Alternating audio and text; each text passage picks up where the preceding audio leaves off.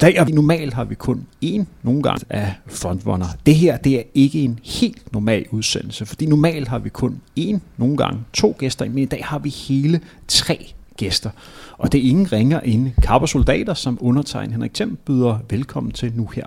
Jeg sidder med Frederik Kapper, 23 år, sidder med Alexander Nikolajsen, og nu kommer det, øh, det springende punkt. Jeg håber, jeg udtaler, udtaler det korrekt, men Elias Schifris. Ja, det var meget godt. Og I er sammen øh, Kapper-soldater. Mm-hmm. Tak fordi I har lyst til at øh, møde op. Ja, tak fordi vi måtte. I får muligheden for lige at øh, præsentere jer en gang for, øh, for, for lytterne. Frederik, hvis du øh, starter, lige øh, fortæller dit øh, forhold til øh, løbesporten og hvad du laver til, øh, til daglig. Øhm, ja, jeg hedder Frederik Tronja Karper. Jeg er 23 år. Jeg er født og opvokset i øh, Viborg, ligesom de to drenge ved siden af mig. Øh, og øh, jeg løb mit første ungdoms-DM i 2009, og har løbet on and off øh, lige siden, og er i dag aktiv i øh, Sparta, øh, og gør mig på 5.000 meter mest af alt. Ja, og jeg nyder at løbe. Øh, ja. Ja, Jamen, jeg hedder som sagt Elias. Øh, ligesom Frederik Alexander, så kommer jeg også fra Viborg, født der og boet der hele mit liv. Øh, jeg er 16 år, og fylder snart 17, så til daglig der går jeg i gymnasiet, vi er på Katedralskole i 1. G, øh, snart 2G nu her efter sommerferien, hvis jeg består mine eksamener. Øh, og så løber jeg meget, hovedsageligt sammen med Alexander for det meste, øh, både til træning, men også til stævner, og vi løber lidt kortere end, øh, end, end Kapper. Vi, jeg fokuserer mest på 800 og 1500 meter. Mm. Jeg hedder Alexander. Jeg løber også øh, i Viborg Atletikmission øh, ligesom Elias. Øh, jeg er 18 år og går på gymnasiet i Viborg øh, på katedralskolen. Jeg har løbet øh, i Viborg Atletik Motion de sidste øh, 3,5-4 år eller sådan noget, og har egentlig løbet sådan stort set siden jeg var 6 år. Øh, jeg fokuserer også primært på, øh, på 1500 meter og, øh, og en gang imellem 800 meter eller 5000 meter. Hvis man går ind og kigger på den Instagram-side, som hedder Carbosoldater, så står der en interessant tekst, som jeg vil lige læse op, og så beder jeg om at kommentere, hvad det ensal står for. Kappersoldater startede i 2017 religiøs, anti-vegansk og i den grad højorienteret bevægelse med en strejf af damer, sprut og atletik i international topklasse. Kan I lige uh, uddybe, hvad der menes med det? Jamen altså, øh, med religiøs, det er jo nok øh, mest fra min side af. Min far er nok fra Israel, så øh, så vi er jøder. Så det er nok der, hvor det kommer fra, og vores kærlighed til Israel. Ja, jeg, siger, jeg, tror, jeg tror et eller andet sted, det er jo, det, det er jo, det, det er jo klart, at det er øh, på den ene side dybt humoristisk, og på den anden side også dybt alvorligt på samme tid. Vi er jo, det, er jo, øh, det er jo for at være lidt en modpol til dem, vi prøver at, at irritere lidt, og drille lidt, kan man sige. Øh, ja, så det er egentlig lidt, lidt det, det kommer af. Øh, Hvad er kappersoldaters rolle i løbesporten? Vi har mange roller, vil jeg sige. For Hvad første, er jeres primære rolle? Vores primære rolle det, det er, at øh, vi skal prøve at komme væk fra det, vi nu engang kommer fra. Vi øh, er lidt, som du også har kaldt øh, på storyen, øh, det her, øh, den her vagthund, som, øh, som prøver at kæmpe lidt imod de her øh, faste roller, kan man sige, som, øh, som løbesporten allerede har indtaget med det her med, at hvis du er god, så skal du ikke lave andet end at, end at træne, og måske studere. Øh, og vi vil gerne prøve at sådan, øh, i hvert fald give vores skud på at, at kritik, sådan kritik af, øh, hvad der er galt, og hvorfor det er galt, og hvad man kunne gøre bedre. Det er klart, altså det er klart, der er nogle stereotyper på langdistanceløberen, som vi godt kunne tænke os at gøre op med. Øhm, vi ser lidt Carper-soldater. Som Carper, jeg er nødt til lige at, at stoppe dig her. Hvad, hvordan ser den typiske langdistansløber ud, når du siger, at der er sådan nogle stereotype typer? Du bliver nødt til at underbygge ja, det lidt mere. altså det er rigtigt nok. Øh, jeg forestiller mig sådan en meget bleg, tynd fyr, der bor øh, alene på et kollegieværelse øh, og drikker topform uden damebesøg. Er der noget galt med at bo alene på ko- øh, kollegieværelse og drikke topform? Nej, men det, det er der overhovedet ikke. Det, det skal man jo bare gøre, hvis man har lyst til. Men... Øh, men øh, det er også okay at, at stile efter noget andet, vil jeg sige. At skabe en anden kultur måske. Øh. Og man kan godt blive go- klog, eller undskyld, både, øh, både god og, øh, og alt muligt andet på mange andre måder, end, øh, end det som Kappa han nævner her. Det er ikke den eneste måde til succes. Det er det ikke. Nej, jeg tror sådan en af vores andre roller, det er nok også bare at tage lidt pis på det hele. Både på sociale medier, men også så når vi ligesom kommer ud til stævner og sådan noget, mest over i København, tænker jeg. Så, øh, så prøve at lave lidt drag i den på en eller anden måde. I er jo for Viborg, alle tre. Er det ikke lidt sådan unormalt at være for Viborg og sådan være sådan lidt frem i skoene? Øh, sådan rent... Øh, øh, øh, hvad kan man sige, sådan rent folkeligt og skille sig lidt ud. Er det ikke unormalt? Jo. Altså man, man kan sige, jeg, jeg får tit at vide af folk fra andre steder i Jylland, Viborg er lidt sådan en københavnsk flække, som ligger der midt i Midtjylland. Det, det, er ikke, det, det, det er faktisk ikke helt løgn.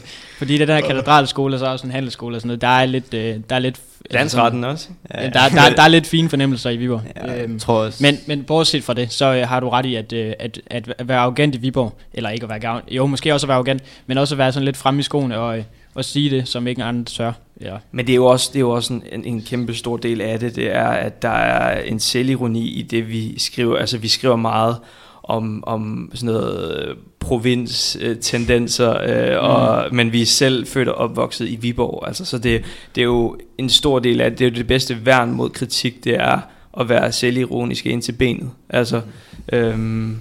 ja, det må man forstå. Altså, det vi skal snakke om i dag, det er, at vi skal lave en beskrivelse af Carver-soldater.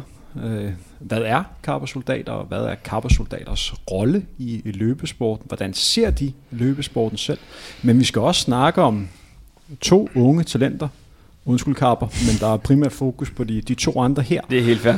Alexander og Elias, som er henholdsvis 16 og 18 år, allerede nu har opnået fine resultater. Hvordan ser de øh, deres respektive udvikling, og hvordan kan det være, at der er så mange unge, som, som løber stærkt lige i øjeblikket?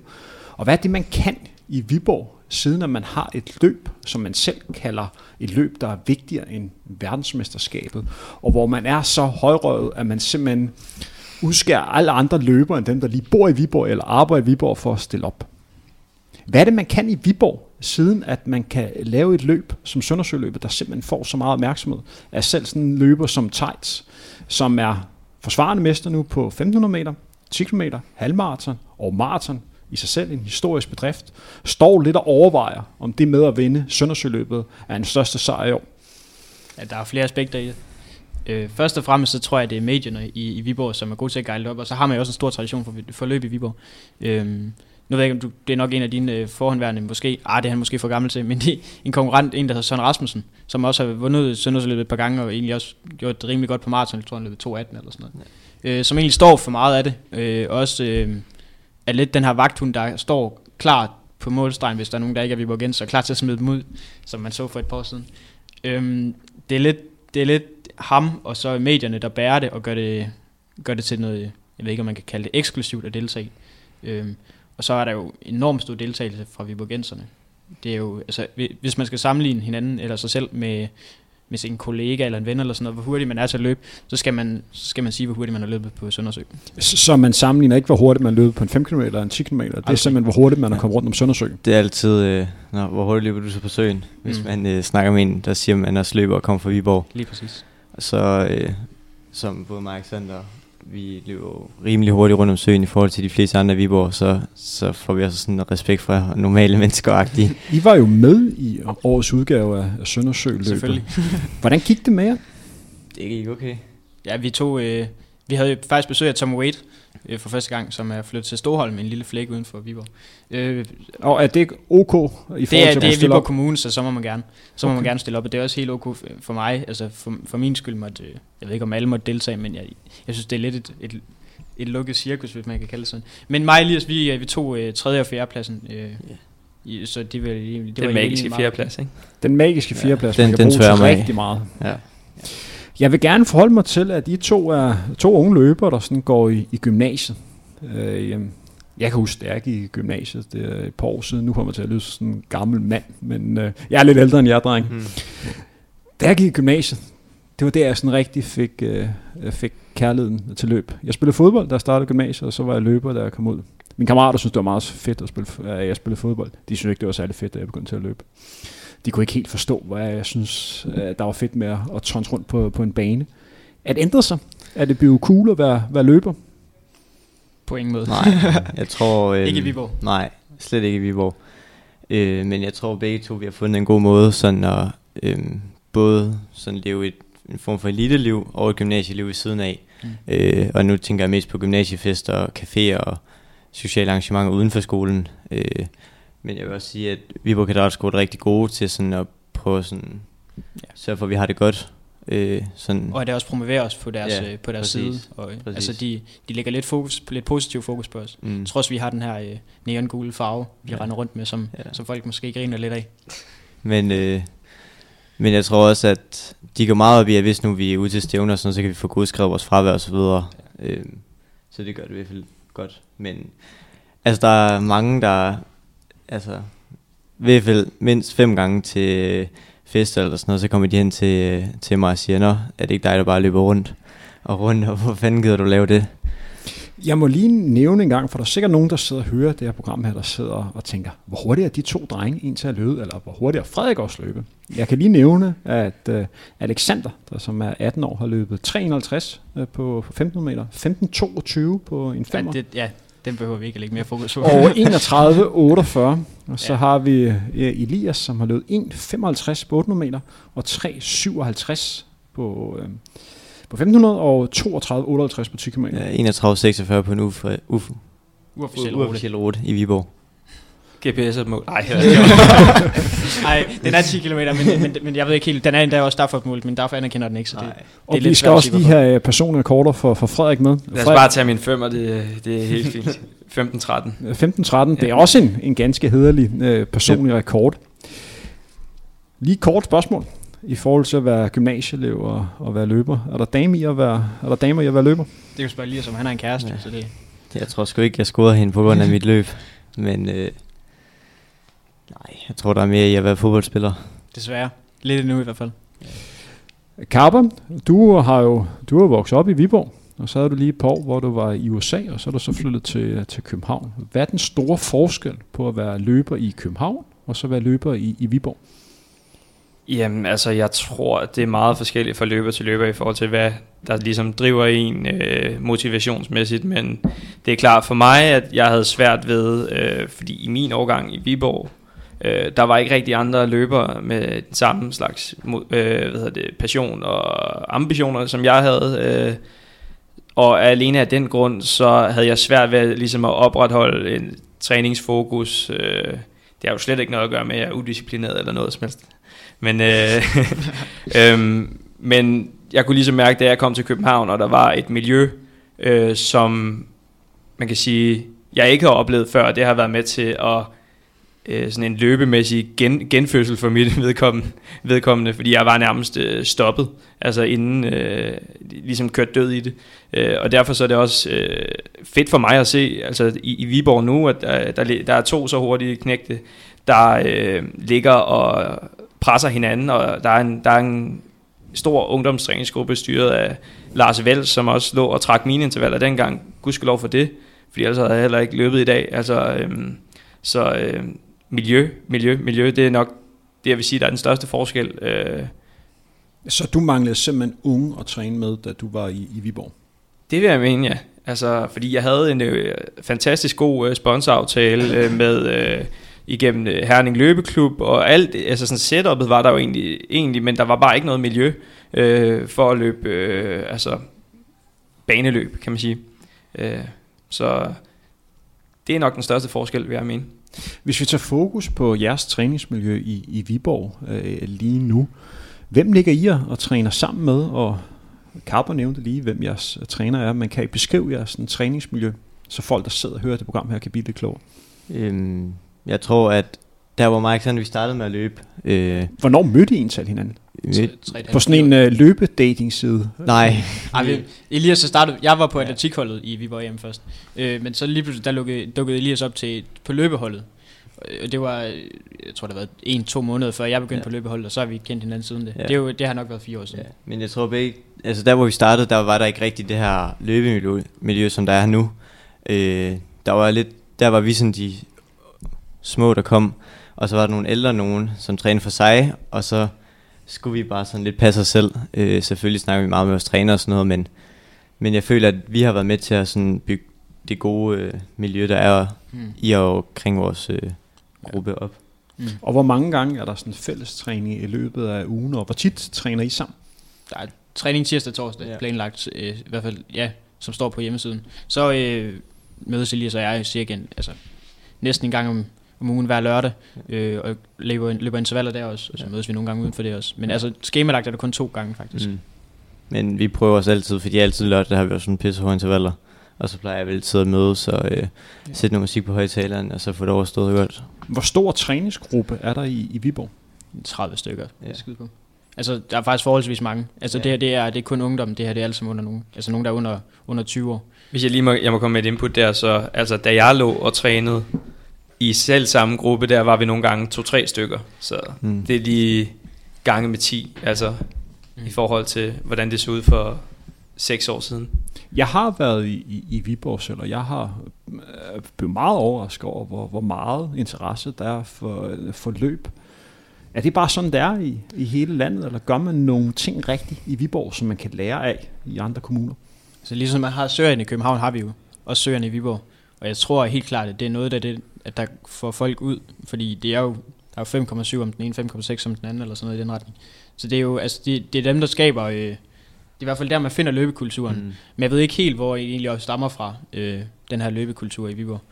Nej, det skal jeg ikke kunne sige. Nej, men der er i hvert fald sådan, sådan respekt for løbere, synes jeg. Når vi kommer for eksempel kommer løbende øh, rundt om en af søerne, og der så er nogen, der går imod os, så rykker de også nærmest altid ud til siden.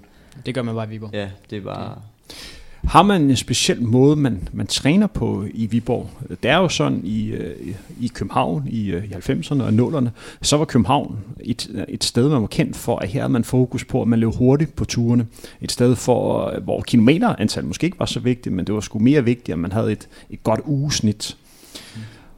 Dengang på det tidspunkt var Jylland, Viborg, Herning kendt for et sted, hvor der virkelig var fokus på at, at løbe mange kilometer. Hvordan er det i Viborg i dag? Det er et godt spørgsmål. Jeg løber lidt flere kilometer end mm. Elias, men altså, jeg, jeg synes ikke egentlig, at vi løber voldsomt mange kilometer. Nu tror jeg, de løber flere kilometer bagsvær for eksempel. Men, så der er ikke en kultur for, at man siger, at øh, når man bor i Viborg nej. og løber for Viborg, så skal man ikke løbe mange kilometer? Nej, men jeg ikke, tror... Ikke ved vores træner. Nej, men, men jeg, jeg tror alligevel, øh, de unge, helt unge nede i 12 år, eller 12 års alder, eller hvad det, aldersgruppen, de, de løber flere kilometer, end de gør i andre klubber. Det er jeg næsten, øh, det er jeg næsten sikker på. Øh, men Elias og jeg er jo også mellemdistanceløber, vi er jo ikke langdistanceløber, så vi, vi lægger jo ikke og træner voldsomt mange kilometer. Mm. Og øh, hvad er jeres mål for, for resten af øh, 2019?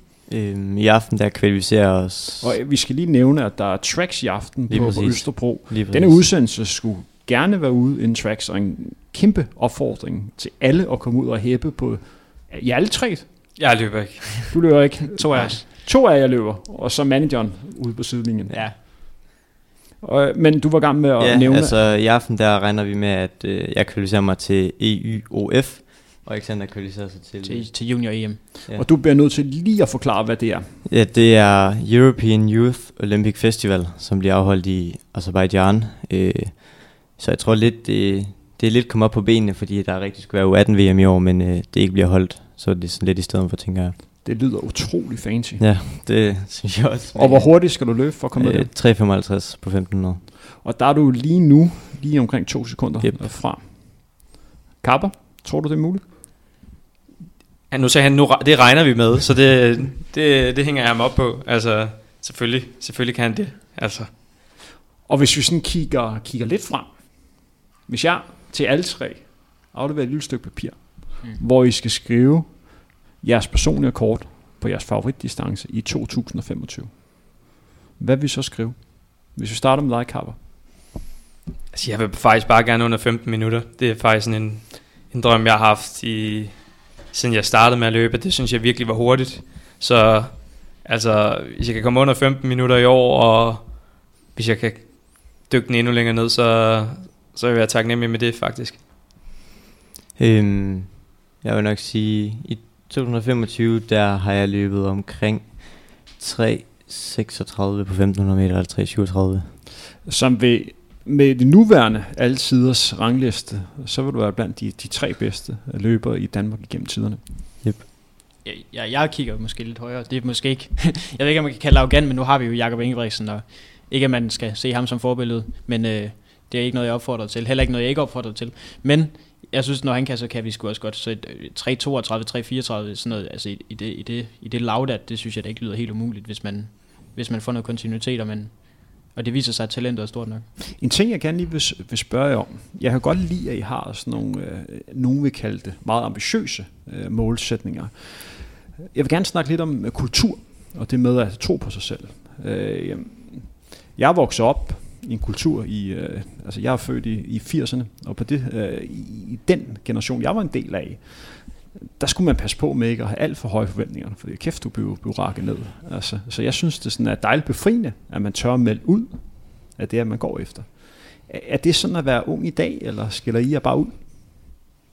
Det er et rigtig godt spørgsmål. Forstår I mit spørgsmål? Ja, 100%, men jeg tror sgu ikke, at i 80'erne er så meget forskelligt fra i dag. Jeg tror bare, at, at grunden til, at vi siger det her, det er først og fremmest, fordi vi tror på, noget, vi tror på det, det er noget, vi sådan har måske hjulpet hinanden med at tro på, men det er også bare, jeg tror sgu lidt, det er noget, der ligger til os som personer. Ja, men jeg tror også, eller det har jeg i hvert fald oplevet, at både hvis vi har lavet et, øh, måske vi nogen synes, det er lidt arrogant opslag på soldater, så dagen efter, eller hvis der er nogen, der siger, der spørger os, hvad vores mål er inden for løb, og vi så siger det, øh, så er der ofte nogen, der vil øh, sige, at vi er arrogante, og øh, mm. ja. Så jeg tror bare, at vi skiller os lidt ud på den, øh, på den måde. 100%. Hvad siger du til det, Kapper? Er det en del ja. at være, være ung i dag, eller er det bare de to fyre, som skiller sig lidt ud? Ja, altså, jeg, jeg synes jo, det er jo, det er jo klart, at, at der, der er sådan en, det laver vi også lidt sjov med, altså, at der er sådan en form for mindreværdskompleks i, i, i Danmark, altså sådan, at øh, man har svært ved at unde andre mennesker deres succes, mm. øh, men det er jo klart, at der skal jo være en realistisk afvejning i forhold til det her med at sætte sig nogle mål. Altså, øh, det kan også godt være useriøst, hvis man øh, hvad hedder det, sætter sig nogle mål. Nu stopper jeg lige en gang her. De to drenge der ja. har ambitioner om, at de gerne vil være blandt de, de bedste løber, vi har haft igennem tiderne. Er det realistisk? Ja, det mener jeg, fordi jeg kan, jeg kan ikke se, hvorfor, altså, der er ikke nogen argumenter for, hvorfor de ikke skulle gå efter det. Det, det er mest af alt det. Altså, det var noget andet, hvis de var havde, var 33 år og lige skulle til i gang med at løbe, og altså, så, så, så var det noget, lidt noget andet. Men, men de er unge og har allerede løbet stærkt og ved at, altså hvis de holder sig fra skade og alt sådan så, så hvem ved? Altså det ville være dumt at stile efter mindre. Altså sådan, ja. Jeg er helt enig.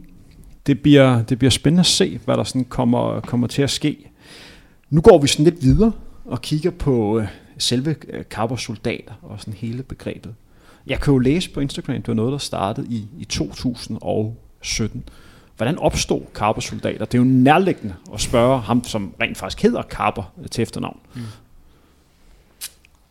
Jamen, jeg kunne... Øh, altså, det skal jo faktisk siges, at vi ikke er helt fuldtallige i dag. Der er, der er Karl Christian også, øh, en anden viborgensisk dreng i samme øh, løbegruppe. Men øh, ja, jeg så jo bare nogle, øh, nogle fortabte drenge. Hvorfor der, hedder det for eksempel ikke Nikolajsen soldater? Jamen, fordi at øh, jeg er jo sådan en form for lede, ledestjerne for drengene. Øh, sådan et øh, fornuftstårn, de kan læne sig op af. Øh, er det ikke rigtig drenge, eller hvad? Jo, oh, sådan lidt, øh, sådan lidt idolet. Så, så Kapper er jeres idol? Ja. Vi, vi, vi, vil, vi vil gerne være som Kapper, men selvfølgelig bedre til at løbe med ham. Men det er lidt der, vi ligger. Så, så, så alle de valg, Kapper har taget igennem hans liv, det er sådan lidt det samme? Ja. Yeah. Basically, ja. Ja, manden, som har kaldt sig løbesportens svar på Niklas Bentner. Det, det er jeres forbillede det er, ikke mig, det er ikke mig selv, der har fundet på det. Det skal, lige sige, det, skal, det skal også lige sige, at Niklas Bentner er jo ikke dårlig til at spille fodbold. Altså, jeg kan godt lide Niklas Bentner. Altså, det er jo, men, men, øh, men, det, det, det, det er ingen kritik af Niklas Bentner. Niklas Bentner er en glimrende fodboldspiller. Ja. Spørgsmålet er bare, om man har fået det maksimalt ud af sit talent. Det er, jo, det, er jo, det er jo måske en af, de, en af de få ting, som vi, som vi gerne vil gøre anderledes. Øh, ja. Men lad os gå tilbage til der, hvor det startede. Karpersoldater 2017. Frederik, du har ordet. Hvordan opstod det? Jamen, jeg tror... Øh, du sad en mørk og stormfuld aften, og så lige pludselig kom det til dig.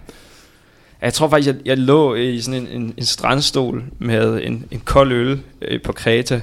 Øh, og, og så, så tænk, nogle dejlige tøspibørn ved siden så af dig. Tænkte jeg, øh, øh, og så skrev jeg faktisk med drengene, og så tænkte jeg, der er simpelthen så mange ting. Øh, folk, de opfører sig simpelthen som nogle idioter. Altså, så vi bliver nødt til ligesom at, at gøre opmærksom på det. Det er ligesom... Øh, Øh, nu kender vi alle sammen kejserens nye klæder. Ikke? Øh, vi, vi, Kappersoldater på filmen, det er, det er drengen, der råber, se, han har ikke noget tøj på. Øh, når folk, de, øh, fordi der er, der er ikke, sådan er det jo nu, der er ikke nogen, der tør sige, uh, state the obvious, som det er lige nu. Altså, uh, eller det der er jo så kommet, vil jeg mene. Så, så skår du ud i pap, så alle kan forstå det. Kaptajnen, det er Frederik Karper, mm. og soldaterne, Lige det er jer. præcis. Lige Vi er præcis. tre soldater, ja. Det er sådan, det er. Det er sådan, det hænger sammen. Og så startede det som en Instagram-profil. Findes I på andre sociale medier? Ikke hid til. Kun, uh, kun spirituelt også. Og hvordan, øh, man kan gå ind og følge på, på Instagram, hvor der er jo en del opslag, der er alle til det til fælles, at øh, de er forholdsvis humoristiske, og vi inden for fællesnævneren løb. Mm. Hvordan kommer I frem til et øh, opslag, og hvad er det, som I gerne vil vise på, øh, på de sociale medier? Øh, som vi snakkede om tidligere, så sådan, vores hovedpointe med vores side, det er mest at sige, hvis vi synes, der er noget, der er galt med et strejfe sådan humorisme. Øhm, og hvordan vi laver vores opslag, så tror jeg, eller så er det mest Kapper, der ligesom laver sådan et udspil til et opslag. Og så øh, sender han ind i vores gruppechat på Messenger, Kapper Soldater, og så snakker vi lidt om det. Og Og kommer så, med nogle inputs, hvis der er noget, der mangler, for eksempel. præcis. Ja. Øhm, så bliver det egentlig til, til det endelige opslag ud af det. Men det er typisk, lige for at skære ud i pap også, det er også øh, for, at der ikke vi lyver øh, ude for flere nu, synes jeg. Så det er, øh, det er ikke... Øh, det er ikke peanut butter ministeren eller, eller andre, øh, der skriver det. Det er, øh, det er os selv. Det er det. Fordi nu har jeg jo siddet og læst jeres profil igennem. Og det er jo sådan, at der er nogle personer, som I virker til at være rigtig glade for. Der er jo ham, som jeg nævnte, Brian Arnborg Hansen, peanut-bot-ministeren, som til daglig har et... Hvad laver han egentlig selv? Han er, Han sådan- er øh, faktisk, øh, jeg har øh, også mødt ham i arbejdssammenhæng faktisk, fordi han arbejder for en styrelse under Energiforsynings- og Klimaministeriet, SDFE, hedder den stat, Styrelsen for Dataforsyning og Effektivisering. Ja, ja, det, øh, øh, det, det er sådan noget rigtig tungt øh, byråkratarbejde, og det er også øh, det, der gør ham ekstra sjov, det er, at han kan lave, han, han, kan, han har nemlig også en, en selvironi, og kan lave sjov med, med det der knæ, knæstørre arbejde, med sådan noget, jeg forestiller mig sådan noget halvlunken kaffe, der står derude, og så sådan nogle, et tastatur, der larmer, og ja, Og hvad er det, han kan? Hvad er det, Brian Arnborg kan? Han, det er jo en løber, som er rigtig god til at løbe ultraløb. Og det sjove med Brian, det er, at selvom han løber så ufattelig mange kilometer, så ligner han stadig en, som, Som ikke er begyndt at løbe endnu. som ikke er begyndt at løbe endnu. Og, øh, og ikke bare spiser en gang dessert om aftenen, men spiser to gange dessert. Undskyld Brian, vi kan godt lide dig, men det er sandt. ja. Jeg tror bare, Han, han, Han- han, han- kan noget, de andre ikke kan. Ja. Det kan han helt Jeg vil bestemt. sige, at noget af det, der er fedt ved Brian, det er jo selvfølgelig hans selvironi, men så er han også bare så tykhudet et menneske. Altså han, øh, han hviler så meget i sig selv, og det, det er også lidt det, vi søger øh, med vores profil, den der øh, autenticitet og integritet, som lidt forsvinder øh, på sociale medier. Øh, man kan snakke om, om der sker en større tendens i samfundet, men vi er i hvert fald, vi påpeger den i hvert fald inden for løbesporten, øh, i forhold til den her oprigtighed, der er der synes jeg bare, Brian han er fænomenalt god til sådan at lave sjov med de forskellige facetter af, øh, af hvad det vil sige at være, være biokrat, den knæstørre biokrat, der løber ultraløb. En anden løber, som jeg er glad for, det er jo en, der hedder Frederik Brun. Brunerkong, som man kalder for ja. på Instagram. Hvad er det, han kan? Fordi når man kigger også på øh, Carbo-soldater side, så dukker der en gang mellem billeder op af ham. Der dukker flere sådan diverse festbilleder op af ham, end, end billeder, hvor han rent faktisk udfører det, som man rigtig gerne vil, nemlig at være god til at løbe. Hvad gør han rigtigt, eller hvad gør han forkert? han er, han er god til at blande det med at løbe og fest på høj plan. Han er jo bare, han er jo bare griner. Altså, jeg synes, jeg synes bare, han er sjov. Altså, Har løbesporten brug for sådan, sådan, sådan Frederik øh, ja. Brun? Ja, altså nu, øh, hvad hedder det, nu, nu snakkede vi om det der stereotyp på en løber tidligere, med, som den der lille blege mand med totalt øh, kalkuleret robotadfærd, der vejer sin pasta, inden han går i seng. Altså, øh, det er Frederik Brun i hvert fald ikke, og det, det synes vi er øh, sjovt, og det skal imødekommes i hvert fald, øh, at der er plads til folk som ham. Det er med til at gøre det mere festligt, og måske netop med til, det er fair nok, der er nogen, der vil prioritere øh, at gå all in, øh, for at bruge en masse øh, terspil-terminologi. Øh, det er jo fair nok, men derfor skal der også bare være plads til det andet, fordi det kan også være, at man, man samler nogen op, som ellers ikke har startet med at løbe, hvis man skaber en anderledes kultur. Så en af de ting, som I rigtig gerne vil, det er at skabe større interesse for løb, mm. og på den måde sørge for, at øh, der er nogen, som bliver i løbesporten, som ikke vil finde deres plads i løbesporten. Det er det, jeg hører jer sige, er det ikke? Jo. jo. Øh, så på en eller anden måde at, at gøre sådan, at løbesporten øh, bliver lidt mere ind. Er det korrekt forstået? Ja, helt bestemt. Når I kigger rundt på den løbesport, som I er en del af, I skal jo ind til, til tracks, stor ros til tvillingerne, øh, Simon og Christian Jørgen Hansen, de gør sgu et godt stykke arbejde. Kæmpe stor ros.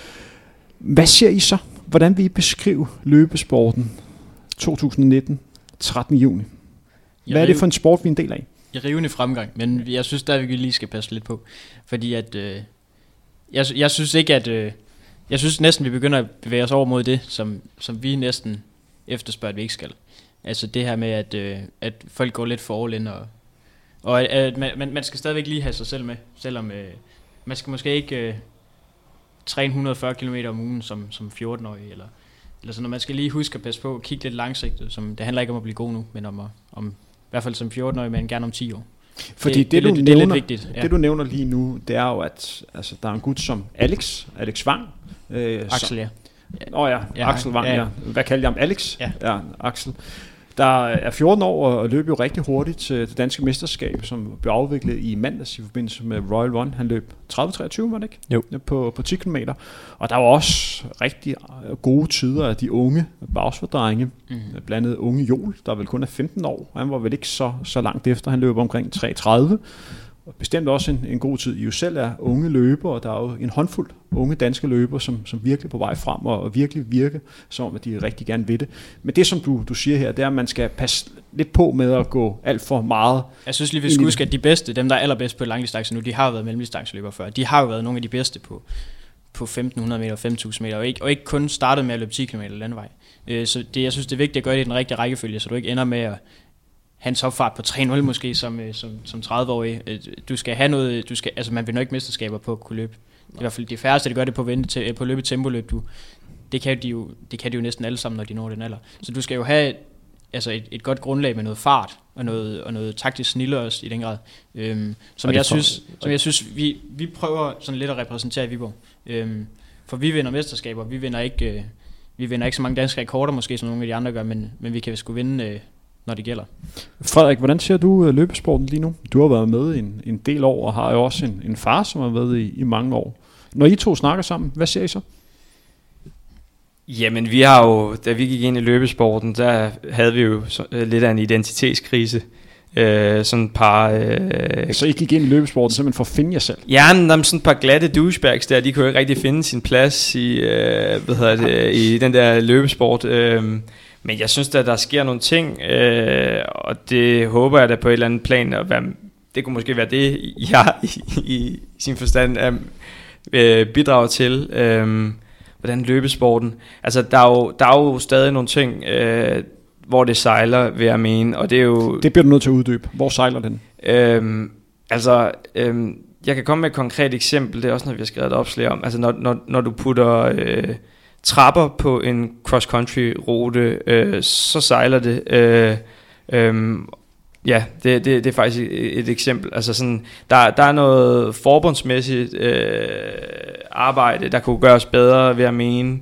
Øh, ja, det er, nok, det er nok det bedste. Ellers så, ellers så, øh, så synes jeg, der sker nogle rigtig øh, gode ting. Jeg, jeg kan jo se, altså nu lagde jeg selv væk på miljø. Jeg kan jo se ude i, i Bagsvær, at de er ved at skabe et godt miljø hvor der er nogle unge, hurtige folk, der ligger og løber med hinanden. Det synes jeg er rigtig positivt. Heidis øh, gruppe i Sparta har været der i mange år, og det, den er jeg blevet en del af nu. Det, det, altså, der er også et eller andet helt særligt, der sker. Øh, så på den måde er det positivt, men der er stadig nogle ting, øh, som kan organiseres bedre, øh, vil jeg mene. En ting, som jeg lige vil, vil høre jer om, det er jo sådan, at der kommer mere og mere fokus på vores løbesport. Men hvis man, man kigger på, øh, hvad kan man sige, de atleter, som er, er gode lige nu, så er der et billede af, at hvis vi fokuserer på de, de bedste løber, vi har i Danmark lige nu, sådan en så som, som Thijs, øh, drenge. Jeg havde jo Thijs Niehaus i studiet ja, i, i mandags. Og jeg havde store problemer med at sige hans efternavn, og nu kan jeg jo heller ikke engang huske det. Kan I sige det korrekt? Jeg kan ikke. Thijs Nehøjs, tror jeg det er Kan du det, Kapper? Nøjhøjs, tror jeg. Men lad os fokus på ham, og fokus på Abdi Ulat, og Andreas Bube, Ole Hesselbjerg og Emil Møller. Det er vel nogenlunde de bedste løber, som vi har i, i Danmark lige i øjeblikket, hvis vi kigger, mm. sådan, uh, kigger sådan bredt på det. Og så har vi nogle unge løber sådan på vej frem. Men det kan vi godt blive enige om. Er vi, er vi ikke enige om det? Jo. jo. Ja. Kendetegnende for dem, det er, at det er nogle løber, som alle sammen bliver nødt til at arbejde eller studere, øh, for at få det til at, at hænge rundt. Det er også løber, som prøver at profilere sig, på, som de nu kan på sociale medier, men har problemer med at få, øh, få sponsorer ind. De kan kigge på, at andre løber, der ikke har det samme sportsniveau med dem, rent faktisk får gode sponsorater og får at være rigtig gode til at bruge sociale medier øh, på det. Hvis jeg spørger Carper soldater, er det udvikling, vi bare skal forholde os til, at, eller er der sådan lidt skævbrydende i det? Hvad synes I om det? At øh, sponsoraterne, de penge, der er, går til de næstbedste løber? Øhm, ja, øh, har I noget, drenge? Eller? Du starter bare. Du starter bare. Der er to. Der er to. Øh, hvis jeg lige må indrømme, er det bare Andreas Bube og Ole og Abdi, der bare skal komme ind i kampen? Er det simpelthen bare fordi, de er for dårlige til at gøre det? Nej, fordi der er, der, er to, der er to sider af det fra, øh, kan man sige, fra vores øh, perspektiv. Den ene er, at det er selvfølgelig ikke en menneskeret, at fordi man løber en eller anden bestemt tid, øh, at så skal man have gratis sko. Det er simpelthen så øh, anstrengende at, at høre folk tude over det. Øh, altså, så, så, så, må, så må I fandme tage jer sammen. Den anden ting er så, vi kæmper også en kamp på sociale medier, øh, så godt som vi kan, for ligesom at rydde op i det der. Vi kritiserer netop alle de her personlige trænere, der lige pludselig tjener kassen foran fagligt dygtige mennesker, øh, hvad det, uden reelt set at, at vide noget. Øh, man kan sige, at øh, sociale medier giver ligesom en platform til alle til at, at komme ud, øh, men en af de ting, som det har medført, det er, at øh, det kan være svært at øh, blande øh, skidt fra kanalik. Øh, og det, øh, det betyder så også, at der lige pludselig står en eller anden, øh, en eller anden tosse, der har løbet øh, 42-30 og, og giver god råd til, hvordan man øh, slår rekorder på 10 km. Det er jo fuldstændig fjollet. Og det er jo netop det, vi siger, det er, der er selvfølgelig personlig ansvar. Det er den ene ting. Øh, det er ikke nogen menneskeret, at man får gratis sko, hvis man løber stærkt. Og den anden ting er, der er et kæmpe oprydningsarbejde for sådan nogen som dig og mig øh, i at sige, hey, dem her, de ved faktisk noget. Og det der med at fremhæve kvalitet frem for alt andet braller, der er derude. Altså. Men hvad skal sådan en som Thijs gøre for at skabe endnu bedre øh, forhold øh, til han kan øh, udvikle sig endnu mere i sin sport? Han er jo medicinstuderende. I kender ham jo, han er jo øh, Viborg-dreng. Han har jo et højt sportsniveau. Det er jo aldrig sket før en løber bliver er dansk mester på 1500 meter, 10 km, halvmarathon og maraton samtidig. Han har lige løbet 2.14 på maraton, mand. Han er fandme sej. Men han knokler som, som en gal, og har problemer med at få det, få det til at hænge sammen øh, alligevel. Hvad kan han gøre anderledes? Altså nu, nu har han jo ikke givet sig selv så meget tid til fritid, eller så meget fritid ved at vælge medicinstudie. Det er ikke, ikke overhovedet ikke en kritik af ham. Det skal han selvfølgelig bare gøre. Men øh, jeg synes stadigvæk, så er det hans ansvar jo, øh, at, at jeg ved ikke, om det er hans, hans vej. Jo, det vil jeg næsten sige, at han ikke har, jo, han har alligevel mange sponsorater, nu modsiger jeg også mig selv, men han skal selv ud og opsøge dem, det skal man jo altid. Og når man ikke er altså, bedre end, end, øh, end at kunne klare ud i kravet, øhm, altså du, han står jo ikke til at kunne vinde OL, så, så er det jo klart, at der ikke bare vælter sponsorater ind. Hvis, jeg, vil bare, jeg vil ikke sige, at det er noget, der er galt med altså, de her kulturer, med, med, at, øh, med, de, med firmaer, som skal opsøge dem. Det er, det er noget, man selv skal ud og opsøge, som Kapper også siger. Det er, altså, sådan er det bare. Mm, jeg tror heller ikke, jeg er enig med Alexander, men jeg tror heller ikke, at, øh, at, at han får et mere sponsorat, det rykker ham sportsligt, øh, hvis han skal ligesom et niveau højere op, selvom han er højt op, øh, så vil jeg mene, at det er at gøre sit studie færdig, og så ikke lave andet end at løbe. Hvad kan man tillade sig på sociale medier, og hvad kan man ikke tillade sig på sociale medier, og hvor langt skal man gå i forhold til at kunne få de her sponsorer? Jeg tror, at mange firmaer, der sponsorerer folk, fordi de er aktive på sociale medier, det er fordi, de er meget aktive. Øh, jeg tror egentlig, det er der, den, den mest ligger, at man skal være aktiv og have mange følgere. Det er desværre bare blevet virkelighed, ja. at, at jo flere følgere du har, jo, jo nemmere er det. Det burde jo egentlig, synes jeg, være, at jo bedre du var, jo, jo nemmere ville det være. Men sådan er det bare ikke, desværre. Altså, det er jo, det er jo klart, at som virksomhed, så, så ser du det som ud fra et markedsmæssigt perspektiv. Øh, og hvis det er, at vi ser en tendens, hvor at virksomhederne investerer færre og færre penge i de hurtige løber, så må det være fordi, at de hurtige løber ikke har løftet den opgave, som er at gøre sig selv interessant. Altså, så ud for, øh, hvis det er, at pengene går til bloggerne, så er det fordi, de som helhed, som, som pakke, er mere interessante for forbrugerne i det segment, øh, som, altså, som løbesko og løbetøj er. Og det synes jeg, i stedet for at lægge sig ned og tude over det, så synes jeg, at øh, man skulle tage det til efterretning. Når I kigger rundt på, på løbesporten i dag, 2019, den 13. juni, her hvor vi optager klokken, nærmer sig halv tre. Synes I løbesporten er kedelig? Delvist. Det bliver jeg nødt til at uddybe. Hvad er der Øhm. kedeligt ved det? Ej, jeg synes ikke, at den er sådan decideret kedelig. Jeg synes, at for eksempel tracks, som vi skal ud til senere, det synes jeg er en ren fest. Øh, specielt herovre, på, øh, herovre i det sjællandske, men også øh, på vores hjemmebane i Viborg. Øh, jeg synes, det, de er rigtig gode til at arrangere det og prøve at løfte. Øh, men der er også nogen, som øh, er lidt kedelige at høre på og se på øh, på deres sociale medier, som ikke handler om andet end at de er ude at træne og alt Hvem er muligt. kedelig? Det er næsten hvor- lidt, lidt, lidt ondsindet at nævne navn her, men, men, men der, det er næsten, øh, det er næsten, øh, altså, dem alle sammen. Altså selvfølgelig er der folk, der bare laver en, en Instagram-profil, øh, for eksempel for at snakke om sig selv som løber, øh, men det er så også der, hvor at jeg synes, at Carbosolat siden er et sådan godt input til det, for at prøve at lave det lidt sjovere. Mm, I høj grad. Altså et eller andet sted, så det handler jo bare om en eller anden øh, re, rebranding, fordi det er jo sådan, sådan set ikke en kritik. Folk må jo gøre, som det, pa- som det passer dem. De må løbe i fusion lige så to- og neongule ting, og alt muligt lige så tosset de vil. Men vi Undskyld, synes drenge, er der ikke nogen af jer, der løber ind i Og vi har faktisk kæmpet vores kamp for at lave den til VFF-grøn, vores øh, singlet, men det er der ikke nogen... øh, Vi ikke kommet det, igennem det, endnu. det, vil, det vil folk ikke være med på. Vi har den kedelige tradition også, for at nævne kedelig igen, for at det åbenbart skal være gult i Viborg. Og vi vil gerne samle det, så det bliver VHK, den store håndboldklub, og VFF, den lidt mindre fodboldklub, og så også, som gerne skulle være det største, at vi alle sammen løber i grøn, så, det, så der kommer sådan en sammenhængskraft. det var, faktisk, det var faktisk meget sjovt, fordi Elias han var i sådan en øh, øh, artikel i Viborg Stift Folkeblad, hvor han løber rundt i sådan en øh, selvlysende fusionjakke. Det ligner simpelthen noget, der er løgn. Det er altså, forfærdeligt at kigge. Øh, og så er der bare sådan reklamer. Du ligner sådan øh, en eller anden øh, blanding af en triatlet og en håndboldspiller.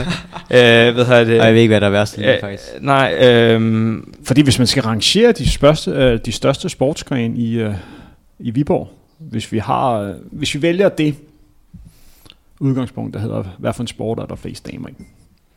Hvis vi skal rangere den. Det, det er jo nok egentlig stadigvæk fodbold. Det vil i hvert fald ikke løbe med øh, fusion gule jakker. Og men vi glæder os over, at kommer håndbold, så? er, håndbold har lidt et kæmpe tab, og det, det, det bifalder vi 100%. Så har vi løb på podiet? Det Vi tager nok, det den, vi tager nok den gyldne Det er fjerdeplads. gyldne fjerdeplads som altid. Den gyldne fjerdeplads. Hvad ligger så på tredjepladsen? De skulle endda også svært at nævne en første eller en, øh, en anden plads, men Jeg ved, jeg tror, jeg tror det er et problem, at, at, at man er i sådan en boble af, af løb, som gør, at man bare, åh, man synes bare, det er så vigtigt. Altså, du ved, Så, så, så I simpelthen, I, har, I kan nævne fodbold og håndbold. Og så spørger jeg om, om en tredje sportsgren, og det har I ikke nævnt, og I placerer jer selv på en fjerdeplads. altså, altså en dag i roning, hvor man endda har en større Ja. overkrop også, der sidder man også i altså fuldstændig tæt siddende. Så jeg ved ikke, Ja. hvad den hedder. Så man Ja, vi er faktisk heller ikke om svømning, det er bedre. det, må, Nej. det må være mellem et eller andet dressurridning og løb, øh, den der Ja. tredje plads. Cricket eller sådan noget. Måske på tang, måske på tang jeg ved det ikke. Det er jo sådan, at vi har fået en, en masse gode spørgsmål fra vores lyttere, som alle sammen glæder sig rigtig meget til, at Soldater øh, kom ind i dag. Og tusind tak for, for det. Det her program vil jo ikke være noget værd, hvis der ikke er nogen, der, der gad at høre det. Og det er altid dejligt, når, når folk bruger, bruger tid på at stille, øh, stille spørgsmål ind. I har fået en del spørgsmål. Skal vi ikke øh, bare gå i gang? Vi tager dem for en enden af. Det første spørgsmål.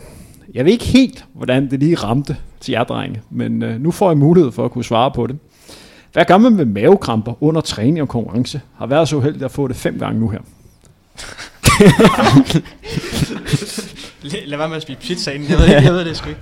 Jeg synes selv, det er et godt spørgsmål. Ja. Jamen, man kan altså... diskutere, hvor relevant det er at stille netop jer tre drenge. Vi skulle nok have spurgt... Der er jo øh, en, jeg vil sige, der er jo en grund til, at vi har prøvet at lande et uh, sponsorat med Ferne Branca. Det er jo gaven til maven, som skal, man siger. Det skal øh, også lige siges, at der er faktisk en Fanta Branca stående i studiet. Det ved Ja. jeg ikke, hvor den kommer fra, men det er det en, der blev sat ind på grund af os. Men Ja, så de må også skrive, hvis de hører med nu. Øh, og det vil sige, der er vores råd, øh, Ferne Branca, øh, det, er, det er gaven til maven. Det er jo, øh, der bliver, vi, bliver, vi optager jo her på Nattegalvej, øh, en frontrunner samarbejde med Mediano, som typisk laver øh, fodboldudsendelser. Det var sådan, at sidste år, da der var verdensmesterskabet i Rusland i fodbold, så havde de en, uh, lavet de podcastudsendelse hver eneste morgen, og der startede det her morgenhold med at få en lille Fandebranca. fantastisk. Og øh, der står stadigvæk en enkelt flaske øh, derovre, så drenge, vi siger mod på det efterfølgende. Så det kan godt være, at vi skal tage en lille en, men vi kan også vente til efter, at du har klaret kravet til øh, det der fancy stævne, som du gerne vil med til i sommer, som jeg allerede nu har glemt. Det var også noget fem vokaler, der startede med. Ja. Men øh, tilbage med øh, mavekrampe. Hvad skal vi gøre? Ja, den er svær faktisk. Skal han lade være med at spise noget? Altså, Ja, jeg har det faktisk sådan, at jeg, jeg spiser næsten ingenting inden. Altså, så æder jeg jo virkelig som et møgsvin bagefter, men altså, øh, det er jo, ellers kan man ikke holde den her flotte øh, vægt, jeg har. Men øh, altså, jeg, jeg kan nærmest ikke spise noget inden et løb. Altså, det er virkelig begrænset. Øh, også fordi man kan godt komme til at gå og småspise øh, lidt. Jeg tror også, der er nogen, der har problemer med, sådan, hvis man drikker for meget kulsyre og sådan noget inden. Det, det har jeg ikke, fordi jeg er kolaholiker. Men øh, jeg ved ikke, om I har en øh, kommentar til, dreng. Så, så det, øh, det vi er lidt ude af øh, i forhold til Carper, det er, at han skal, han skal holde sig til vand. Ja. det, det, Øh, det, er en kedelig øh, udgave, det er også bare at lade være med at spise tre timer før. Så, Så lad være med at spise tre timer så, før jamen, så, så, og, går og det, drikke vand. så går det sjældent galt. Ja, lige præcis. Jamen altså, jeg kører bare Mars bar, banan og vand. Ja, Red Bull virker faktisk også. Ja. Det, det, det, får man ikke dårligt, det får man ikke dårligt med. Mars bar, det er vejen. Så, så jeg har jo været så heldig, fordi jeg var med for et arrangement for Red Bull, at de lige pludselig stillede sådan en palle Red Bull foran min lejlighed en dag, og jeg er stadig i gang med at drikke det. Det kan jeg godt anbefales dem, jeg der har en lille unge og drikke sådan en Red Bull der, når man bliver vækket midt Du om har ikke sovet siden. Men jeg har stort set ikke sovet siden, og jeg kan i hvert fald sige én ting. Det har ikke hjulpet på min mave i hvert fald. så det kan godt være, at det virker for dig. Ja. Ja. Skal vi gå videre til næste spørgsmål? Ja. Gerne. Er Bagsvær Distant Project jeres største konkurrent inden for løbesporten? Jeg skal lige nævne, at det er jo sådan, at de her spørgsmål bliver stillet på Instagram. Inde på Instagram, der kalder man sig nogle forskellige ting. Jeg kunne godt sige, hvem det er at stille spørgsmål, men jeg synes lidt, det er irrelevant. Jeg synes, det primært er spørgsmålet. Der skal nok ikke den helt store hovedregning eller intelligens til at regne ud, hvem der har stillet det her spørgsmål. Jeg vil sige, jeg, vil sige jeg, jeg tror, at spørgsmålet er blevet stillet af en fra Bagsvær Distance Project, for at Bagsvær Distance Project skulle blive nævnt i podcasten. Så, øh, så nej, de er ikke vores største fjender. Vi kan godt lide drengene derude øh, i Bagsvær. De løber sgu meget godt, men... Ja, men, Men de er ikke vores konkurrenter. nej, slet ikke. nej, Ja, det er simpelthen, fordi I er bedre end dem. nej, men Ja. altså, øh, også det. Men Men De- også fordi, de- når man de- ser Claus Jacquet øh, stryge hen over hækkene, øh, så, øh, så, så, så bliver jeg blød i knæene, og ham, han kan simpelthen ikke være med konkurrent. Han er min, min, øh, min kammerat. At Det er også en af jeres husvenner i Carbosoldat. Det er en af vores øh, mange husvenner, ja. Det vil jeg mene, Claus. Ja. hmm. Hvis I sådan skal rangere det, og så sætte ham oven for peanutbutter-ministeren, hvordan ligger de to i forhold til hinanden? Altså, jeg synes, Claus har, har skruet ned for gøjleriet de sidste par år, øh, nu hvor han har fået et arbejde og sådan noget der. Så jeg synes, han, han, han står lidt lavt lige nu, men han kan selvfølgelig lave om på det, hvis han øh, gør noget fjollet snart. Der, han har jo engang øh, øh, arrangeret et årligt øh, 6 timers løb i en rundkørsel på cykel. Øh, Øh, til Claus Jaketta. ja, så skud ud til Claus. Øh, men fordi det jeg gerne vil hen, det er, at vi skal nemlig slutte det her program af med at lave en top 5 over yndlingsløbere for Carbosoldater. Puh, ja. Så det er en top 5, og indtil videre har vi bragt to-tre løbere i spil. Brunerkongen. Mm. Øh, og så Claus, Claus Jacquet. Øh, Claus Jacquet. Claus, Claus, Og så uh, peanutbutter-ministeren. Ja. Skal vi gå videre til, til næste spørgsmål? Ja. Gerne. Spørgsmål nummer tre. Hvilken to ting irriterer jer allermest ved løbe verden? Det bliver svært at finde, kun finde to. To ting. fuck, det- fuck, der er mange ting. I må nævne to ting. Den tager du, Kapper. Um, Alle, der løber i halve tights. Nej, Ja. nej, Ja, nej, og jeg, den jeg, er har slem, den. jeg er har slem. Den. Jeg har den, jeg har den, jeg har den. Tre kvart Titan. Den, det, det, den, den, det er øh, altså den ypperste nummer et. Den, I grøn profession. Altså, i, ja, altså, i Viborg kalder den, hedder den den forbudte tight. Det hedder den. Det, og det er en, det er en altså, Men ud, meget, just, meget just er det i Viborg, det er den allermest populære tight. Altså, nu, Nu er, arbejder, er, nu, det, nu, er det no-go? altså, nu arbejder, jeg, Kæmpe løb, no-go. nu er jeg, en lø- arbejder jeg i en løbebutik i Viborg, og vi sælger rigtig, rigtig mange af de tights her. Og jeg, jeg ved ikke, hvad jeg skal gøre for at stoppe det.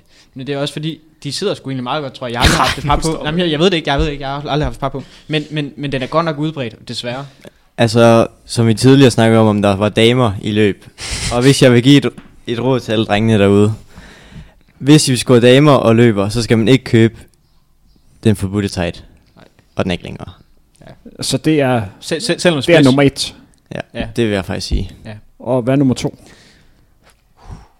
Jamen, altså, det, det er jo sådan... Øh, Kom så, drenge. mulige spørgsmål. Kom så, drenge. Vi skal lige have nummer to. Folk, der kun...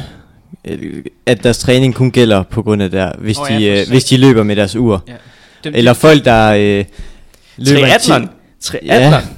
Ja, den går faktisk lidt ind, under den, synes igennem, jeg. øh, Henrik jo, det må vi lige gøre opmærksom på, hvis du ikke har set. Vi har været igennem en lang øh, valgkamp med... Øh, Folkebevægelsen mod Det kommer faktisk. Det Okay, kommer okay, faktisk godt nok. som en af spørgsmålene. Vi venter. Nu når vi snakker om triathlon. Det var jo sådan, at der var en trælet, som blev nummer 4 til det danske mesterskab på, på 10 km. Emil Holm. Det var 30.07. Det var meget flot. Det var også en løber, som jeg vil sige, jeg oplevede mange sjove ting inden for løbeverdenen. Men det med, at han kunne finde på at stille op i motionsløb på Østerbro, og så stoppe uret 100 meter før målet, hvor hans GPS-ur sagde 10,0, og argumentere for, at det var hans tid. Og det var den, der galt. Og han har nu sat personlig rekord. Og så siger han rent faktisk, at bedre tid, end de tre andre løbere, som Ja. rent faktisk slår ham. Det synes jeg faktisk er en meget god historie. Den har jeg aldrig hørt før, faktisk. Men når det så lige skal, skal sige, så var jeg faktisk meget imponeret af hans løb i mandags. Han løb godt. Mm. Han løb rigtig godt. 30.07, det er flot, mand. Det er flot. Og han, øh, han var fandme med Mm. øh, i starten. Vi kan lige lade den hænge. Ja. Og så går videre til, til næste spørgsmål. I snakkede lidt selv om, at de har været lidt aktive i den her valgkamp. Det skal lige nævne, at, at der er en af jer, som arbejder jo for et parti. Lytterne kan jo selv gætte, hvem det er. Det skal lige siges, vi andre, vi, to, vi andre to, vi er medlem af et ungdomsparti, så vi er jo alle sammen... I alle politisk tre medlemmer af aktive. parti. Er I medlem af samme parti? Jeg, er faktisk ikke medlem af et parti. Du er ikke medlem af et parti, jeg men du arbejder arbejder for et parti. Ja, Ja. Elias, jeg og den sidste, det sidste soldat, Karl Christian, vi er alle sammen med af, medlem af et parti. Og det er ikke det samme som, øh, som Hvad for Frederik parti er I medlem af? Liberal Alliance. LAU, Liberal Alliance Ungdom. Og det er også derfor, at der står, at vi er højreorienteret. Hvor, øh, er så også bliver derfor- vi nødt til lige at det snakke er også derfor, vi har politik. håndvåben med herinde. Så bliver vi nødt til lige at snakke lidt politik. Hvordan synes I, at valget gik? Dårligt. Det var ikke engang, det er jo ikke engang nævneværdigt. Altså, det var, det var, det var jo ren og skær lort. Det er det, man Ja. kalder en slagtning, er det ikke? Jo. Jo. På jysk kalder man det træls, faktisk. Og øh, vi må heller lige nævne, at øh, Frederik, du arbejder for Venstre. Jeg arbejder for Venstre, ja. Skal vi gå videre til, til næste spørgsmål? Ja. Det er helt fair. Hvem bliver formand for Folkebevægelsen frem imod næste folketingsvalg? Og hvordan vil I promovere jer selv? Jamen, altså, vi skal snart have lavet en bestyr, et bestyrelsesmøde, hvis at, øh, det skal være aktuelt. Men øh, jeg tror, at øh, Kapper ham selv, eller måske Bronerkongen. Ja, Altså, jeg tænker jo, altså specielt efter øh, øh, Kent, Nør, altså Kent Nørmark, han har jo tordnet mod de her øh, triatleter med deres GPS-opmålte tider, så jeg har jo virkelig, virkelig kørt ham i stilling til øh, det helt, den helt store øh, karriere. Stærk øh, kandidat også, ja. Ja, Helt sikkert. Kent Nørmark, som, altså, som øh, Instagram-segmentet jo ikke ved, hvem er. Altså, en mand, der har løbet siden... Ken Nørmark, som også er øh, kendt som junior. Junior, ja. Ja, det, ja det, det var da han startede i Team Rekard i Sparta, han har fået det navn i sin tid, og det hedder han så stadigvæk, selvom han er ci- cirka 130 år gammel. Hvad er det, han går rigtigt?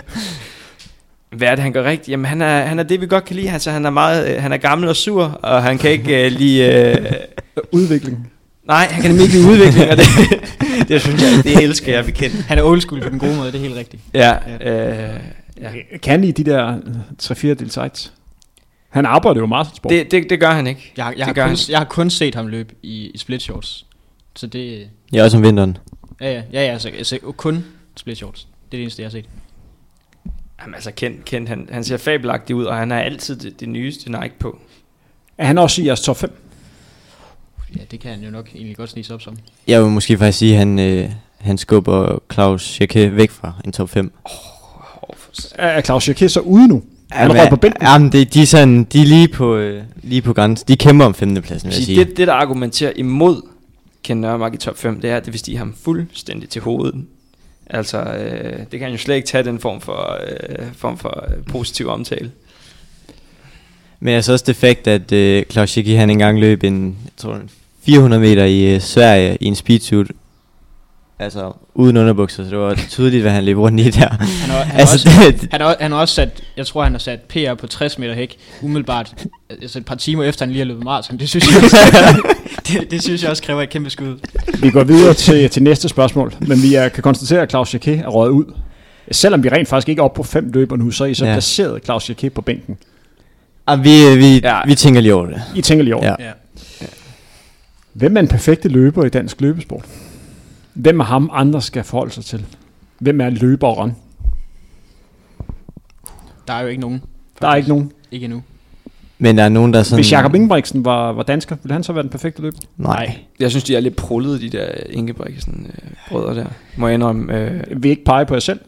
Nej. Ikke endnu. Ikke nu, nej. Det kan være, det kommer. Så der er ikke nogen, den perfekte løber findes ikke. Altså, det skal være blanding mellem øh, højt sportsligt niveau, som der er nogen, der har, men så også lige sådan... Og så Brun og Kongens festliv, vil jeg sige. Er der nogen, der har potentiale til det? Hvis Brun og Kong blev, øh, kom ned og løb 14.20 eller 14.00, ville han så have potentiale til det? jeg vil faktisk godt nævne en, som der han, han er har den også sejeste løber i Danmark. Jeg har også en senere. Så Det er, det er min holdkammerat, Nick Rosgaard. Ja, jeg skulle Rosgaard. lige til at sige det. Øh, Det var også ham, jeg havde han, i- han, han, øh, Ham, som I også har kaldt løbesportens svar på Stig Tøfting. Mm. Ja, ja. Prøv at være på stadion med ham. Der er ikke nogen, der tør at stå i bane 1. Altså, han, han er bare sej. Og så, jeg synes også klart, det er en af de bedste udsendelser, der du har haft herinde, fordi der, det var tydeligt, der sad et menneske med karakter herinde. Øh, Hvad er det, Nick gør rigtigt? Udover at man skal lade bane 1 være til ham. Jamen, han er bare tro mod sig selv, og ja, han kigger, han kigger ikke tilbage. Altså, jeg synes, han, øh, han har en... Øh, han, f- har en fed, udover at have en fed approach til at løbe, øh, han er øh, spændende at se løbe, fordi han er en øh, god mesterskabsløber, så har han også, øh, han også et... Øh, han har i hvert fald de menneskelige kvaliteter, som jeg godt kan lide. Han har meget høj integritet, og det er noget af det bedste, jeg ved i hvert fald. Øh, Er han i på jeres top 5 i Karpersoldater? Nu har jeg jo smidt. Det, Claus det, synes jeg godt, han, det synes jeg godt, han. Mm. kunne være. Mm. Uh, sorry, Claus. Men altså, han siger hans mening, og det gør vi også. Så det, han, han kunne godt være et kommende medlem af Kappa Soldater, faktisk. Det er ikke langt. Ja. Så det kunne godt være Karpersoldater, feed, Nick Rosgaard. Ja. Det kunne ja, det godt. måske. Han, det kunne godt, faktisk godt være, at han, skulle, han har jo sit øh, efternavn tatoveret på ryggen. Det kunne godt være, at han faktisk måske skulle få det fjernet, og så skrevet Karpersoldater i stedet for. Ikke nogen dum idé. Man må jo høre om, om det. Ja. Hvornår er man en løber? Puh, ja. Når du ikke, øh, når du ikke øh, har øh, sådan en øh, cykelnumsepude i din tights, så er du egentlig en løber, vil jeg sige. Jeg skal ikke bare lade være her. Jo. Jo. Og så går vi videre til næste spørgsmål. Jo. Er nogen løber, der kunne vinde Paradise Hotel? Brun og Kongen. Ja, apropos Nick Rosgaard. Så, så en, en, Ej, jeg vil sige, Brun og Kongen, ja, ham, ham vil jeg fandme også kaste til uh, Paradise Hotel, også fordi han, han, Han har faktisk øh, sendt en tilmelding til Ja. ja. Paradise. det undrer os virkelig ikke, tror jeg. Det er jo fattigt, at han ikke er kommet også ind. fordi, jeg har Ja. også sagt til ham, at han ligger godt i svinget, øh, og det har jeg sagt personligt til ham også, fordi han er, at du, han er så dum, som han er. Øh, hvad hedder det? det er jo ligesom en forudsætning for at komme ind. Øh, ja, men, øh, men øh, ja, han, han, han kunne være en god kandidat øh, til Miss Paradise øh, derinde. Smut ind i olie, kunne jeg Hvad godt med peanut butter ministeren? Kunne I se ham i Paradise? Jeg ved ikke, om der er en For alder. 20 år siden. Ja. ja, Ah, så gammel er han heller ikke. han, er, han er faktisk ret ung. Lad os gå videre til øhm, det, der bliver dagens næst sidste spørgsmål. Hvis I blev stemt ind i Folketinget, hvis ja, hvad vil I så gøre med folk, der er rundt i løbebriller i dagligdagen? oh. der er jo, vi har jo ikke dødsstraf i Danmark endnu. Så Men der vil være dødsdom for dem, der er rundt med løbebriller. ah, det, det er deroppe over næsten jo. Ja, det synes jeg. Den, en elektrisk stol, det kunne godt Ej, det, det, er jo, det er jo et problem, vi har påpeget meget, det her med, at man, øh, øh, de, de, de stakkels øh, VVS'er på Vestegnen og langtids øh, lastbilchaufførerne ligesom har, har tyvstjålet det her øh, øh, farvede brilleglas, øh, øh, hvad, har fået tyvstjålet, ja, det farvede brilleglas af triatleter og andet godt folk. Jeg synes, øh, jeg synes vi skal lade det farvede brilleglas være på Vestegnen. Øh, det er... Det klæder kun en mand, og det er Nick Rosgaard, tror jeg. Ja, det synes jeg også. Det synes jeg godt. Kan ikke bære det på ja. alle tider af døgnet? Ja, han kan jo gøre, hvad der passer ham. Altså, så gar, han smadrer os, hvis jeg ikke... Så, så, gar, så, jamen, så gar på indendørs 200 meter bane kan han bære det, faktisk. Det er jo der, vi ligger. Ja. Ham og Henrik Ingebrigtsen kan vel også bære det? Ja. ja. Mest, mest Nick. Ja, mest. mest Nick er jo kongen, altså, vil jeg sige. Der. Hvis vi lige, øh, lige zoomer ind på påklædning i forhold til løber. Der er tracks i aften i baneløb. Hvad skal man have på? Hvad må man, lad os starte med, hvad må man ikke stille op i? En forbudte tight. Forbudte tights. Øh, alt, der går ned over knæene i konkurrence, det hører ikke hjemme på. Og også den der falske splitter fra, fra Fusion. Ja. Den, den er altså Har en god. falske splitter. I er ikke så glade for fusion? Nej. Det er, det, det er jo det er forfærdeligt. Og vi lider en hård kamp hver gang vi skal løbe konkurrence, fordi vi skal løbe i den ting let jo. Det er jo... Øh, Nå ja, det er jo sponsoreret af fusion. Ja. Det er det jo faktisk. Så... Jeg har også... Jeg har også øh, det er ligesom at prøve at nedbryde Vatikanet indenfra, det der Viborg, øh, Viborg Atletik og Motion.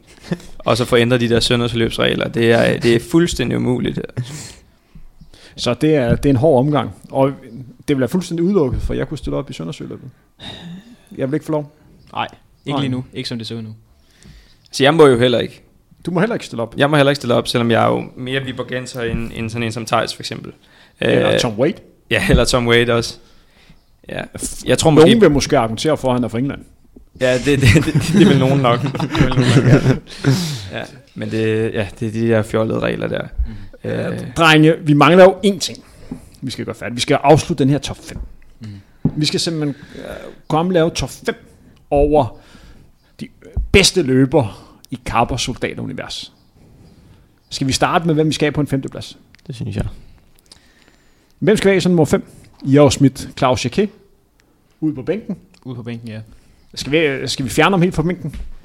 Ikke endnu. Spørgsmålet er, om der er nogen at finde til top 5, hvis vi smider ham ud. Så det er jo... Nej, det synes jeg, jeg synes også, at vi skal have Peter, Peter Uldal med ja. ind omkring, fordi at, uh, ham har der simpelthen så mange, uh, ham, mange der uh, uh, ryster på hovedet over, så det, det er simpelthen forfriskende ikke at tage ham med, uh, synes jeg. Ja, det har han også for Schweiz fortjent, ja. Ja, uh, så jeg synes godt, vi kan køre uh, Claus Jacquet, Shaken på en femmer.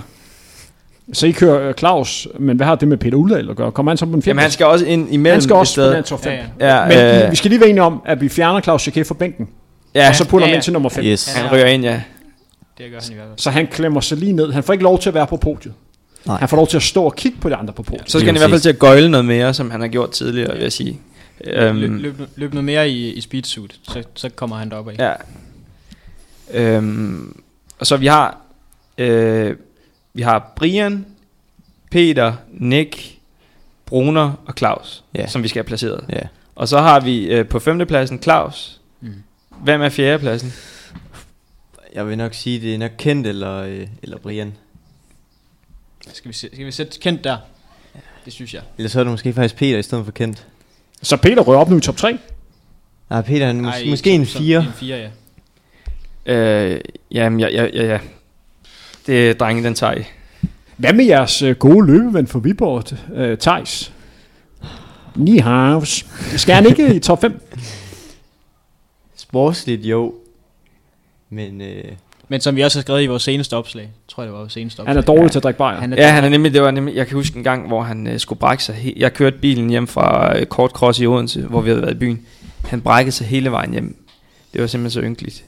Men, så det, det, det, det, det, det har vi ikke helt glemt. Nej, men altså jeg vil så sige, til hans forsvar der, der øh, efter EM Cross i år i Holland, der, øh, der, fakt, der fandt jeg faktisk ud af, at han godt kunne feste.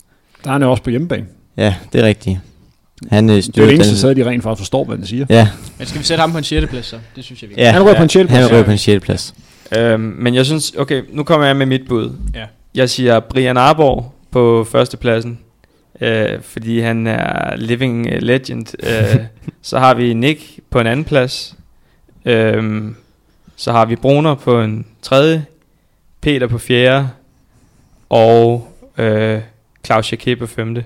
Og så må Thijs og Kent øh, ligge og slås om øh, den der bobler, bobler-position derude uden for... Ja. Det, det er jeg med på. Og øh, hvis vi skulle have en pige med ind, Bliver svært. fordi nogen vil jo måske mene, at der er lidt overvægt af mænd Ja. blandt de top 5. Øh, Det kunne måske være nogle kritiske stemmer, der siger det. Hvem skulle vi så have i top 5? Er der nogle piger, som skiller sig lidt ud og bare tænker, de her kunne sgu være en god medlem af Karper-soldater? Øhm, det er jo lidt en anden podcast. Vi kan, t- lave, vi kan lave en øh, antifeminisme podcast en anden dag, Henrik.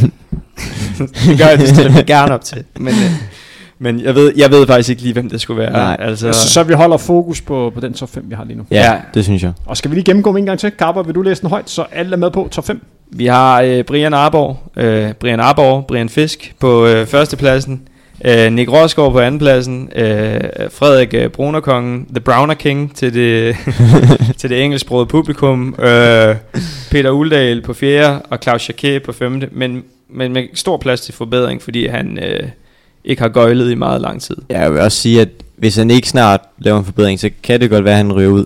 Ja, det, det, det kan godt ske. Og faktisk meget imponerende, at, øh, at Ken Nomark, Kalle Junior, han er så tæt på at komme top 5. Ja. Så betragtning af, at han er totalt usynlig på øh, jeres fremtoende medie. Ja. Men jeg er også enig i Peanut Butter-ministeren er nummer et. Jeg var jo speaker til det der Wings of Life løb, hvor han bare løb rundt og rundt på sådan en 2 km rundstrækning, hvor han havde sin mor, mormor, farmor, oldemor, tip, tip til oldemor til at stå og give ham drikke undervejs. Altså det var sådan, plus hans 48 børn, de lå og rundt. Det var en stor familiedag i de her 48 timer, hvor han bare tullede rundt på sådan en 2 km strækning. Altså, han er en god mand, Brian Arnborg. Det er han, han, han, han er mega grineren også. Altså det er jo forudsætningen for, han er simpelthen så sjov. Er der nogle prospect, nogle unge, hvor man kan se, det har der er potentiale i? Altså nu, øh, øh, hvad hedder det, en som øh, har indsmidt sig lidt på mig, det er jo William Devanchier, øh, som jeg løb med i morges. Altså han, han, han flytter nærmest. Udover at have et dejligt navn. Ja, det er jo flot. Øh, Det er et skønt navn. ja, lige præcis. Det, han har også en... øh, Og du sagde fransk- det sådan meget, meget kælt. Jamen nu har jeg også, øh, jeg er jo vant til det, fordi jeg har selv, jeg hedder Trunje til efternavn, så det, jeg er lidt vant, jeg, jeg falder lidt for det der. Øh, Og Så- det næste, du næsten vil bringe på, det er vel Kavakia. Den eneste løve, vi har hjemme, der hvis navn starter med sådan 48 vokaler. Ja, ja, han, ja det, det er også et rigtig godt bud, øh, vil jeg sige. Øh, Ole Hesselby er jo også, nu, nu vælger, nævner jeg bare helt min, min egen inderkreds, ikke? Men, øh, ved Der er alle vennerne, der sådan kommer, Ja. kommer ind her. ja, Øh. øh, Når vi snakker politik, ingen sammenligninger her. nej, nej, nej, nej. Lige præcis. Og vi, lige- både Elias og jeg har jo prøvet at være til efterfest med Anton Østdal for Bagsvær. Er der Ja. i ham? Han kan, Det er der. Han, han kan i hvert fald drikke øl, det er helt Ja. sikkert. Og han Han- kan også han kan blive ved i lang tid. Men altså, så skal han melde sig ud af det der fis, de har kørende derovre. Ja. Det er virkelig Ja, en grim øh, klubdragt, de har, vil jeg lige sige. Ja. Den er godt nok hæslig. Det Du er er jo godt klar over, at øh, verden i et dagens program, han er tidligere bagsøløber. Det ved vi godt, Henrik. Men der er jo også en grund til, at du er skiftet ind til Østerbro. Drenge, vi har snakket nu i snart en time og 10 minutter. Det er jo sådan her på Frontrunner, at der skal være tid til det hele. Jeg havde en ambition om, at vi skulle snakke sådan 40-45 minutter, men øh, det har taget lidt længere tid. Er der nogle ting, som vi mangler at komme ind på? øhm, nej, det synes jeg egentlig ikke. Lige en enkelt ting, hvis man gerne vil kontakte med jer. Er det så Instagram, det, det foregår? Ja, Instagram eller Messenger, tror jeg. Og så lige mit øh, sidste spørgsmål. Kan I forstå, hvis, øh, hvis folk sidder og tænker, okay, de har de der karpesoldater, fordi de ikke er modige nok til, til selv at sidde og prikke på folk på deres egen sociale side? Nej, Nej, altså hvis, at, hvis folk de mener, at det er derfor, vi har den, så kan de da bare møde med os, mødes os in real life. Altså, folk de kan jo bare, de er jo velkommen til at svare igen. Det er ikke uh, gået så godt for dem, der har prøvet at gøre det indtil videre, men uh, de kan bare, de er jo velkommen til at give os røg tilbage. Vi er klar over, når man, uh, når man åbner munden, så er der uh, risiko for at få en over næbet. Uh, det er så bare ikke sket endnu. Uh, så folk skal være velkommen til at åbne en diskussion, så skal vi nok uh, levere vores eget karismatiske indspark. Ja, altså hvis vi lige... En lille historie. Som Vi også, elsker øh, historie. Ja, altså inde på vores... Hvis man ruller lidt ned, så har vi et billede af en Jeg ved ikke, hvem han er. Jeg ved ikke, hvor vi har fundet ham. ham øh, den bumsede mand med en hestehale, hvor vi skrev lidt om e-sport. Øh, og der oplevede vi da i hvert fald, at øh, der var nogen, der mindre andet end os. Men, der var meget, meget langt kommentarspor der. Der var sådan nogle... Øh, der var sådan nogle øh, Hvad er der gav med e-sport? Jamen, der var sådan nogle... Fordi vi synes, det er lidt underligt, at man sådan hylder det der med øh, øh, folk, der er gode til at sidde derhjemme og spille computer. Øh, det, der, Der er er vi sådan lidt, det. der er vi sådan lidt traditionelle, og det, der kom vi så til at sige, at de, de var lidt øh, en usund tendens, og så kom der sådan nogle... Øh, sådan nogle øh, cro- helt- cro- crossfitter fra Aalborg, der øh, svinede os til. Og så øh, fik vi ligesom lagt den ned ved at spørge, om der var frokostpause i Jack and Jones. øh, hvad hedder det? Og det er jo bare, altså... Folk er hjertens øh, velkomne til at byde ind, øh, men øh, vi øh, slår selvfølgelig igen øh, dobbelt så hårdt. Øh, altid. Kunne I se Brian Arnborg spille e-sport? Han har også naturen til Tetris, det. Tetris, Tetris Ja. måske. Han har også naturen til det, det er helt rigtigt. Det har han faktisk. Og øh, lad det være en af de sidste bemærkninger, jeg får for i dag. Den her venlige bemærkning til en af Danmarks bedste ultraløbere, Brian Armborg, der, Ja. ja. der rent faktisk nærmer sig et niveau, der gør, at han kan få den danske rekord på 100 km, som er vist på 4 minutter og 11 øh, sekunder. Der er så også kun en, der har gennemført den før ham, ikke? Men altså, nej, det er jo sjovt. Det er så, det er så en anden snak. Den, Ja. øh, den kører du selv, den der Carper. Ja. øh, ja. Undertegnet i Tem vil gerne sige tak til, til Carper soldater, og held og lykke Tak skal du have. til, Tak. øhm, til dig, Elias, der skal prøve at klare kravet til det der stævne der med de der 48 vokaler ja. øh, i aften, der bliver afholdt i øh, en varm sommerdag over i Azerbaijan. ja, Altså, så vi håber, det lykkes for dig. Som sagt, tracks i aften, Østerbro Stadion, hvis man er hæb på, på Elias. og Alexander. Og Alexander, Jeg, jeg går efter junior hjemmekravet. du går efter junior som Yes, yes, yes. ligger... Øh, fik vi sagt, hvad det var tidligere? Øh, det ligger i Borås i Sverige. I mit, øh, Ja, men hvad kravet? Hvor hurtigt kravet, du det ligger i 53. Jeg skal løbe 53, du løb 351. Ja, Jeg har lige halvanden sekund at give, eller ikke at give, jeg hente. Ja, det bliver sgu Ja. spændende, mand. Så vi får to, øh, to falvisioner der. Og vi har jo en, øh, en Back Distant Project uh, Pacer Ja. i, i Vi bliver lige nødt Frost. til at give skud. Backdab. Skud ud. Frost. Han vandt jo også Road Milen til Royal Run. Det, det skal han have kudo for.